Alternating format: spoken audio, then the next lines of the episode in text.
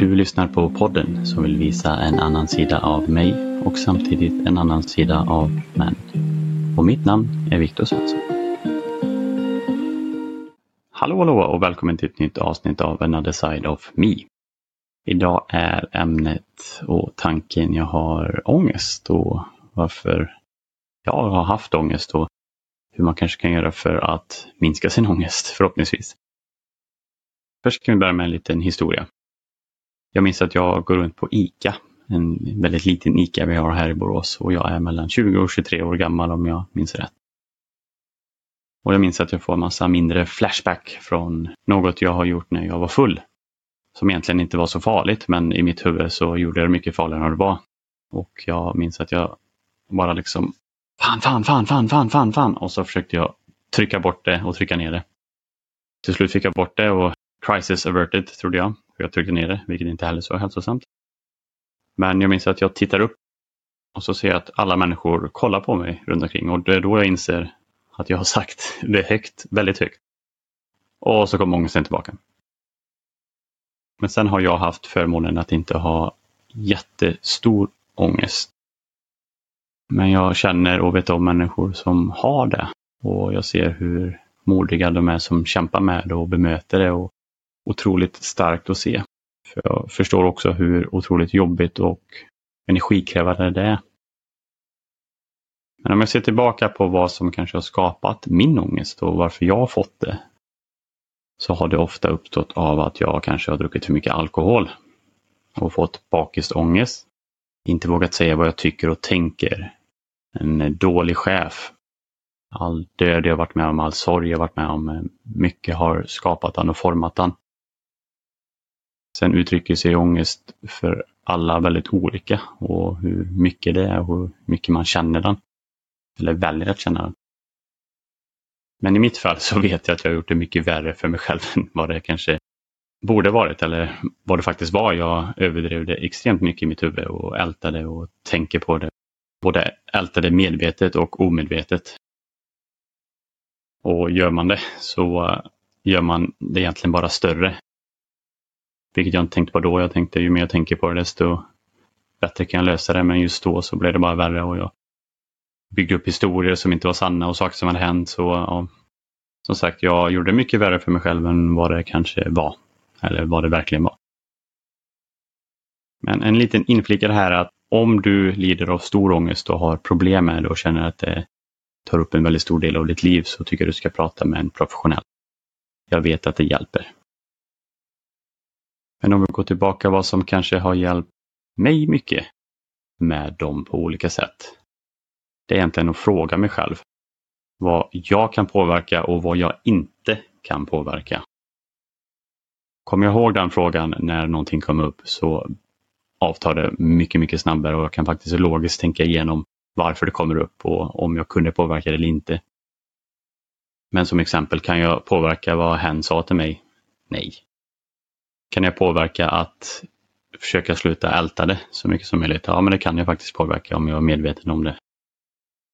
Så det handlar väldigt mycket om att resonera med mig själv och försöka få kontext på det och logik på det och inte göra det till någonting farligt. Vi lyssnade på ett väldigt bra sommarprat som tog upp just den poängen om att vad man kan påverka och vad man inte kan påverka. Och i detta fallet så var det misshandel i en relation. Och så pratade hon med den här kvinnan. Så fick hon skriva upp allt som hade hänt och händer. Och så var det två burkar med en vad, vad hon kunde påverka och en vad hon inte kunde påverka. Efter de hade skrivit upp allting hon kom på och lagt i burkarna så var det nog 95 procent på saker hon inte kunde påverka. Och på något sätt där och då så förstod hon att jag kan inte påverka detta. Det är inte egentligen mitt fel och fann till slut styrkan att lämna det förhållandet. Det är en otroligt stark historia som har levt kvar i mig och bildat en väldigt stark bild i mig av att den logiken är bra att följa. Och något jag har sett andra göra och vad jag försökt göra själv om jag har haft lite större ångestperioder. Till exempel under min mors död eller något annat som har hänt. Att lära känna din ångest, den kommer ju oftast upp av en anledning. I mitt fall har det varit att jag pushat undan det och alla mina känslor. Så när den väl kom så kom den med tio gånger styrka istället för att om jag kanske möter den direkt och lär känna den när den är bara en etta så blir det inte lika farligt som när den är en tia. Och jag inte kunde knappt röra mig att det gjorde så ont. Och sen en viktig sak som meditation har hjälpt mig och mycket annat i livet också är att acceptera att den kommer. Att inte försöka pusha iväg den som jag gjorde i början av mitt liv. Och något man nästan kan göra är att välkomna den. Nästan välkomna den som en vän. Ja, men är du här igen? Vad härligt att du kom just i denna stunden och, och påverkar den här situationen. Göra nästan som en komisk grej. Liksom. Ja, men välkommen, kul att du är här. Och varför kommer du idag?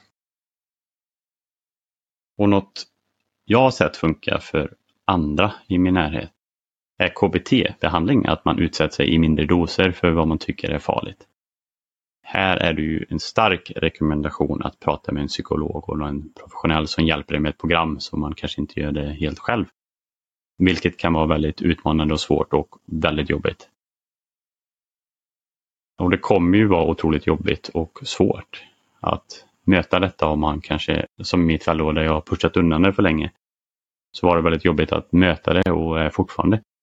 Men det är ju min slags lilla KBT jag har lärt mig att göra. Och i många fall när jag kanske hade lite dålig självkänsla eller ångest så kanske jag hade varit inne för mycket på sociala medier. Och då tog jag bara en break, en vecka eller två. Och eh, sen reflekterade, jag. hjälpte det? Mår jag bättre? Vilket i 99 procent av fallen gjorde jag. Nu har jag till och med sett en timer på min mail, min Instagram och allt möjligt på en minut. Så den säger till efter en minut, vill du vara kvar? Och då kommer ju den här lilla psykosen man nästan hamnar i. Att de är gjorda de här apparna för att du ska vara kvar i dem. Så att omedvetet kommer man bara scrolla vidare och må ännu sämre och må ännu sämre. Så just det har hjälpt mig otroligt mycket. Och nu är jag knappt inne på det längre. Men som jag sa, var inte rädd för den. Den kommer faktiskt av en anledning. Och prata med någon och lär dig förstå den. Skriv ner till och med om du inte har någon att prata med. Och min hjärna vill gärna visa mig de värsta scenarierna. Om jag ska till exempel gå upp och prata framför folk så kommer jag säga alla skratta åt mig eller vad det nu än kan vara. Så vill han gärna visa mig katastroftankar. Och då är det viktigt att tänka logiskt att ja, men de här gångerna gick det bra eller jag vet att detta kommer att gå bra. Jag kan ämnet och vara väldigt, väldigt snäll mot sig själv i de situationerna. Jag tänkte när jag reflekterade över detta på om du har förmånen att åka utomlands på en semester, vilket jag har gjort några gånger. Och jag minns att om det varit någon semester som kanske inte var så bra när jag var där, men nu åtta, nio år senare så kommer jag bara ihåg det som var bra. Men det var ju faktiskt sol och vi fick faktiskt åka utomlands och ja, men det var rätt bra faktiskt. Medan ångesten kanske är motsatsen, bara den minns allt dåliga. Så det är en liten fin synonym där jag tänkte på att den är verkligen motsatsen av en gammal semestertanke jag haft. Men det var det jag ville prata lite om idag. Jag hoppas att det kan ha hjälpt dig med någonting. Eller bara varit intressant att lyssna på. Jag ville bara säga tack för att ni lyssnar. Och glöm inte av att vara snälla mot er själva och vara snälla mot andra.